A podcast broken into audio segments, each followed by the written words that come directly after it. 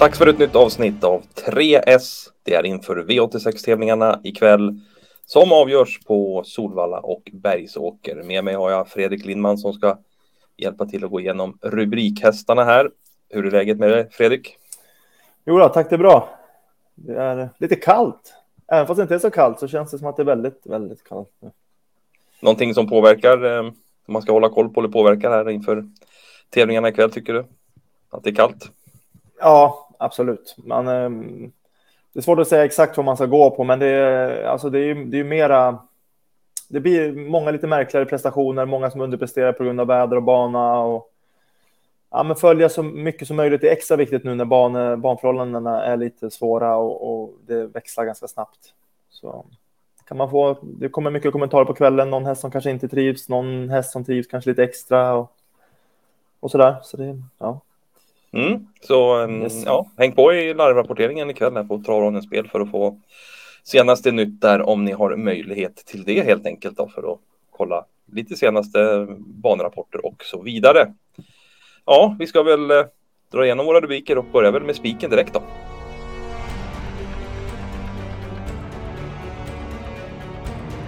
Ja, Fredrik, vi ska börja med spiken och vi har faktiskt eh, använt den här hästen som spik i dennes senaste start och då blev det seger. Den jag pratar om är ett Excusimoa i V86 2 på Solvalla där. Vad tyckte du om uttalet? Var det rätt? Fantastiskt. Ja, du, fransk blod i dig. Det märks. Ja, vad säger du om den här hästen då? Den hade vi som spik senast och den infriade våra förväntningar. Ja, verkligen. Vi lovade väl seger där och han var ju totalt överlägsen. Det här är ju en, en ruskigt fin um, treåring här från Timo Nurmos. En rejäl och, och väldigt kapabel häst. Lite opolerad fortfarande, men det gillar man nästan bara hos treåringar sådär. Eh, han visar senast lite av sin kapacitet när han vann på 12 blankt efter en blytung resa där. Ikväll är 2-6, det är bara en fördel. Eh, och innerspåret innerspår tror jag inte heller. Han är ingen blixt ut, men jag tror inte att det är något problem när det är så litet fält och 2-6. Det där löser Magnus Djuse, det är jag helt övertygad om och då ska hästen vara helt överlägsen igen. Så att, det är bara att spika ett så kör du uttalet här i V862. Just det, excusez-moi är spiken ikväll. Perfekt, ja, inte så mycket mer att orda om honom och V862 och spiken utan vi tar skrälloppet.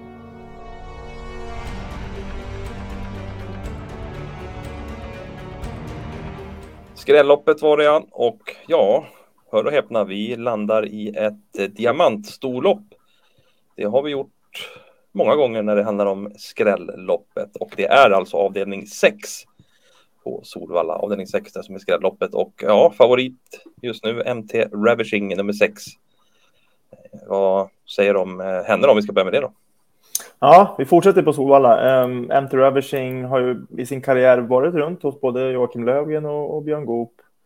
Visar kapacitet men inte släppt uh, riktigt fullt ut sådär. Nu verkar det som att Oskar Kjellin Blom har eh, hittat eh, åtminstone in på rätt väg med hästen här. Hon har gjort det väldigt bra för honom här nu varje gång.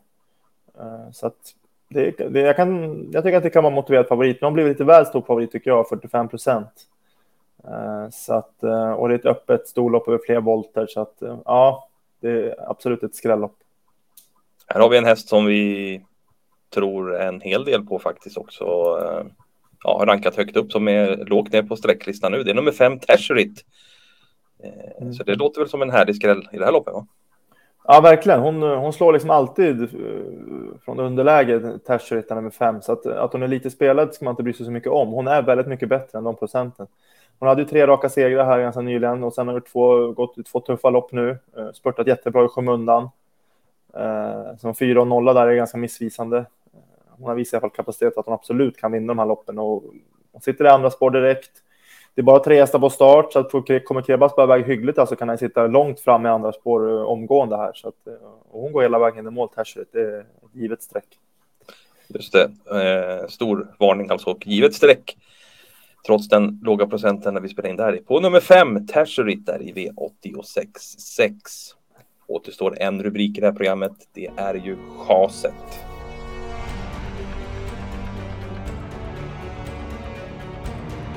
Fredrik, då har vi chaset på gång. Det är V86 3.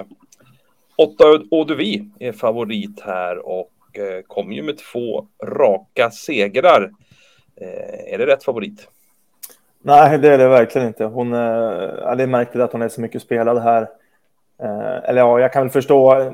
Det var de två raka segrar hon har spelat helt enkelt här, men det, det har varit ganska billiga serier tycker jag. Framförallt har de tagit från ledning. Vi har bilder här på senast här när hon vinner från spets utan att övertyga tycker jag. Och vi har ju hästar som står på start här. Både Ed Flower var med i det loppet, kördes offensivt.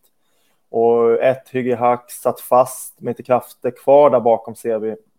Eh, med bilstart var det ju då, va? så att nu står de 20 meter före.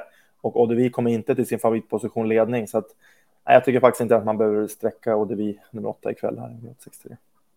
Chas, åtta. Ja, det är ett redigt chas. ja, vad ska du lyfta fram någon vi tror på här då? Ja, men jag vill lyfta fram ändå nummer sju, Delicious Scotch. Eh, som, eh, framförallt kapaciteten hos henne, den verkar ju otroligt bra. Men hon är ju hopplöst osäker. Hon har ett felfritt lopp här i raden på någonstans 14 och 4, full väg med krafter kvar. Det var Jicken som vann det loppet. Ett väldigt mycket tuffare motstånd än det här. Hon har gått med framspår med voltstart en gång tidigare och var väldigt snabb då första biten.